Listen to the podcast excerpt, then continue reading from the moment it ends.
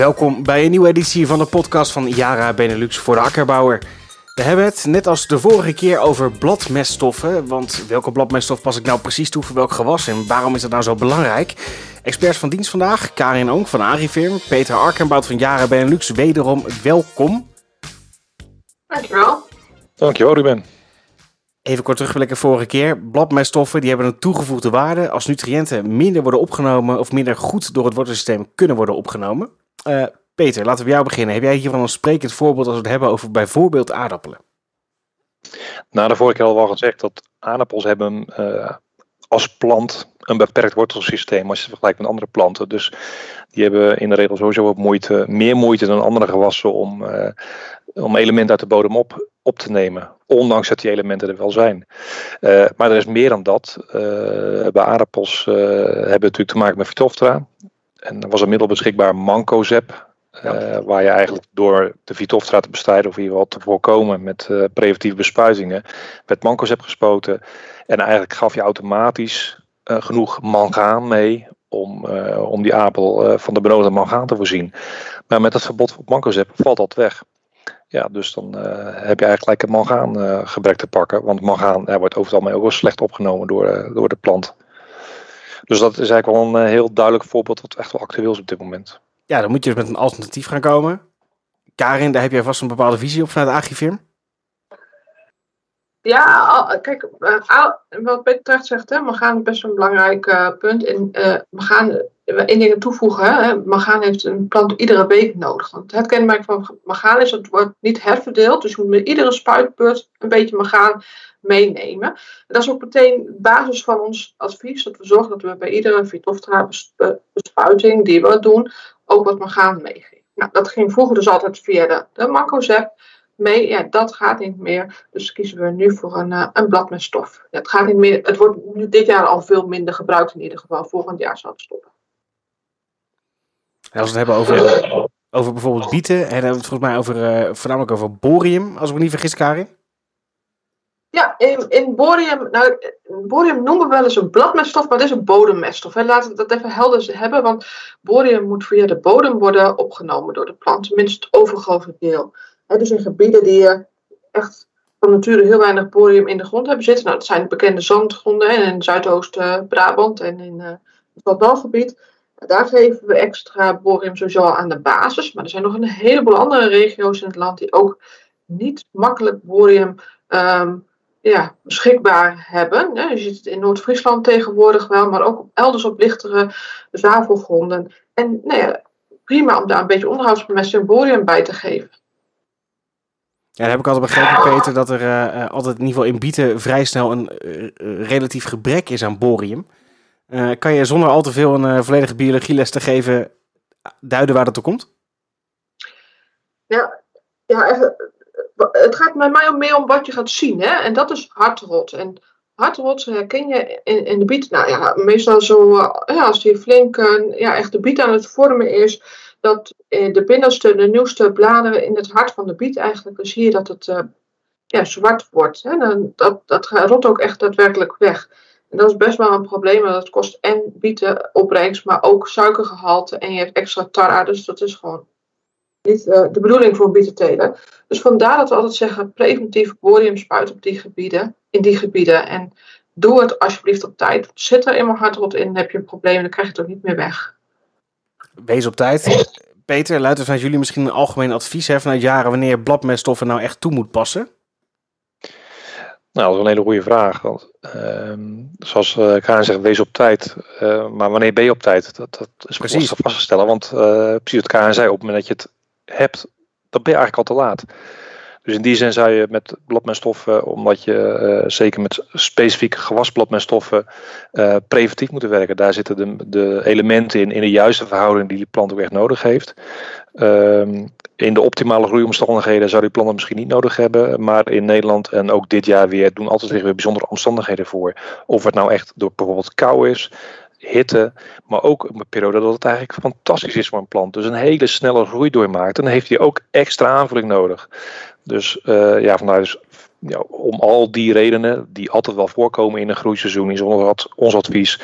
spuit dat nou preventief? Spuit het mee met je reguliere gewasbescherming, die je toch al doet. En je haalt daarmee het maximaal uit je gewas. Ja, het maximaal uit het gas halen, gewas halen. Karin, dan kan ik me voorstellen, als je preventief gaat spuiten, uh, ik ben opgevoed met uh, de, het gezegde: baat het niet, schaadt het niet. Maar overdaad is zeker ook niet goed. Uh, hoe zorg je nou dat je ook niet te veel mee gaat geven?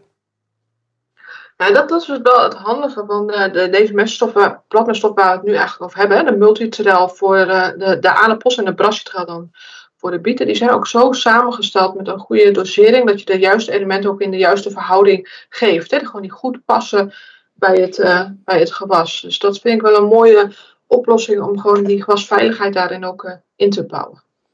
En om de juiste keuzes te maken, kan ik dan nog kijken naar uh, analyses van de bodem of van het gewas misschien?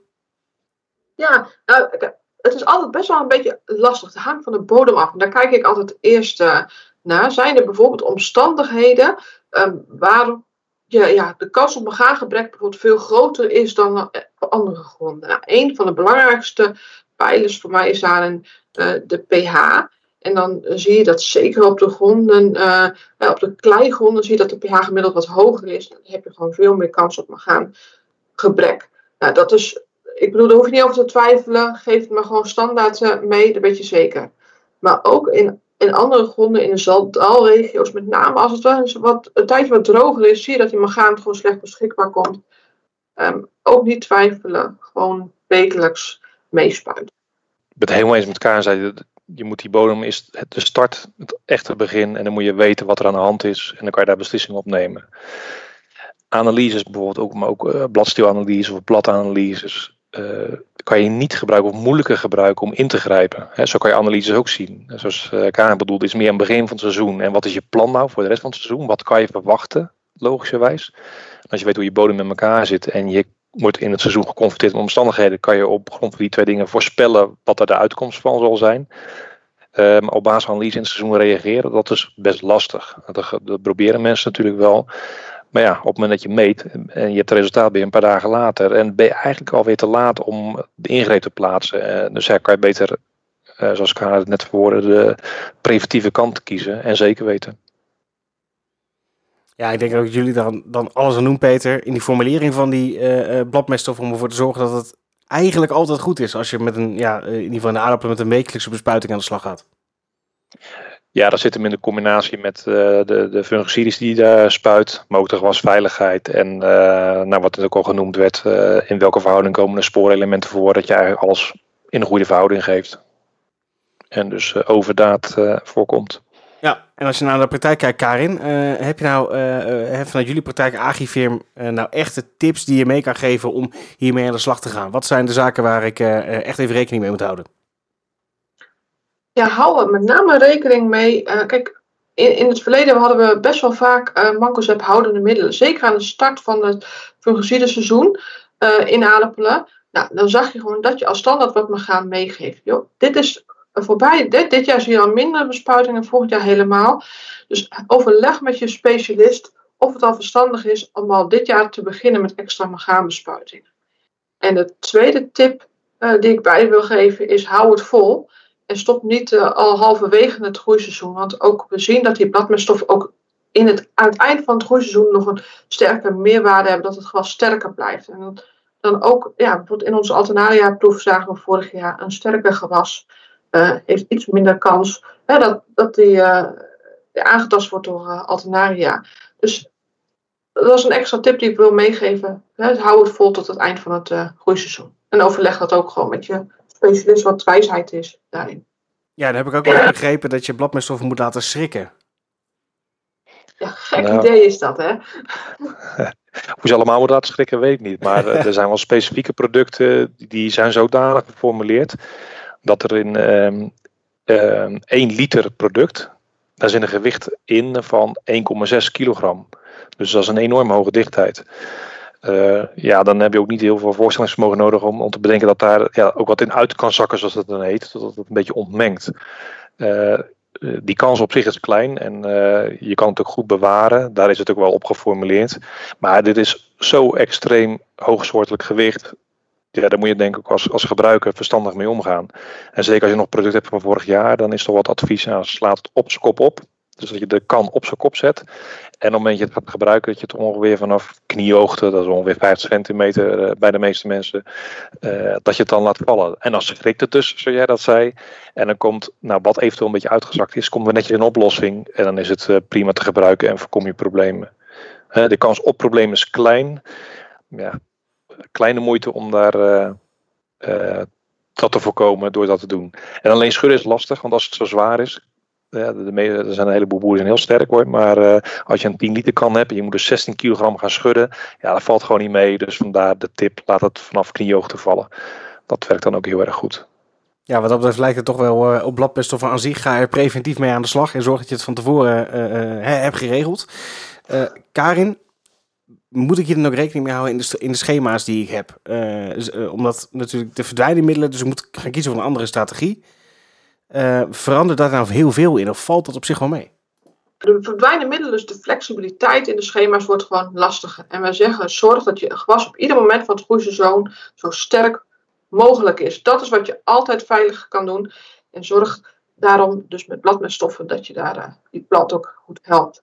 En dat zien we dus dat we dit jaar daar ook nog meer op sturen. En we zien ook dat telers dat gewoon oppakken. Dus en ik noem dat ook vakmanschap van de teler zelf. Hè. Het uh, niet meer ingrijpen met dingen die altijd werken, maar ook wel nadelen hebben. En hier komt het vakmanschap uh, van de boer zelf om de hoek kijken. Maar ja, we bieden denk ik wel goede hulpmiddelen om dat vakmanschap uh, te ondersteunen. En de basis blijft, probeer niet altijd zelf het wiel uit te vinden, maar vraag ook specialisten om hulp. Of het nou een specialist is van Agrifim of van Jara Benelux, via internet of de telefoon kunt u ze altijd bereiken. Ik wil u uh, danken voor deze editie. En uh, voor meer inspiratie verwijs ik u graag de website van Jara, www.jara.nl. En meld u daar ook aan op een van de nieuwsbrieven van Jara Benelux.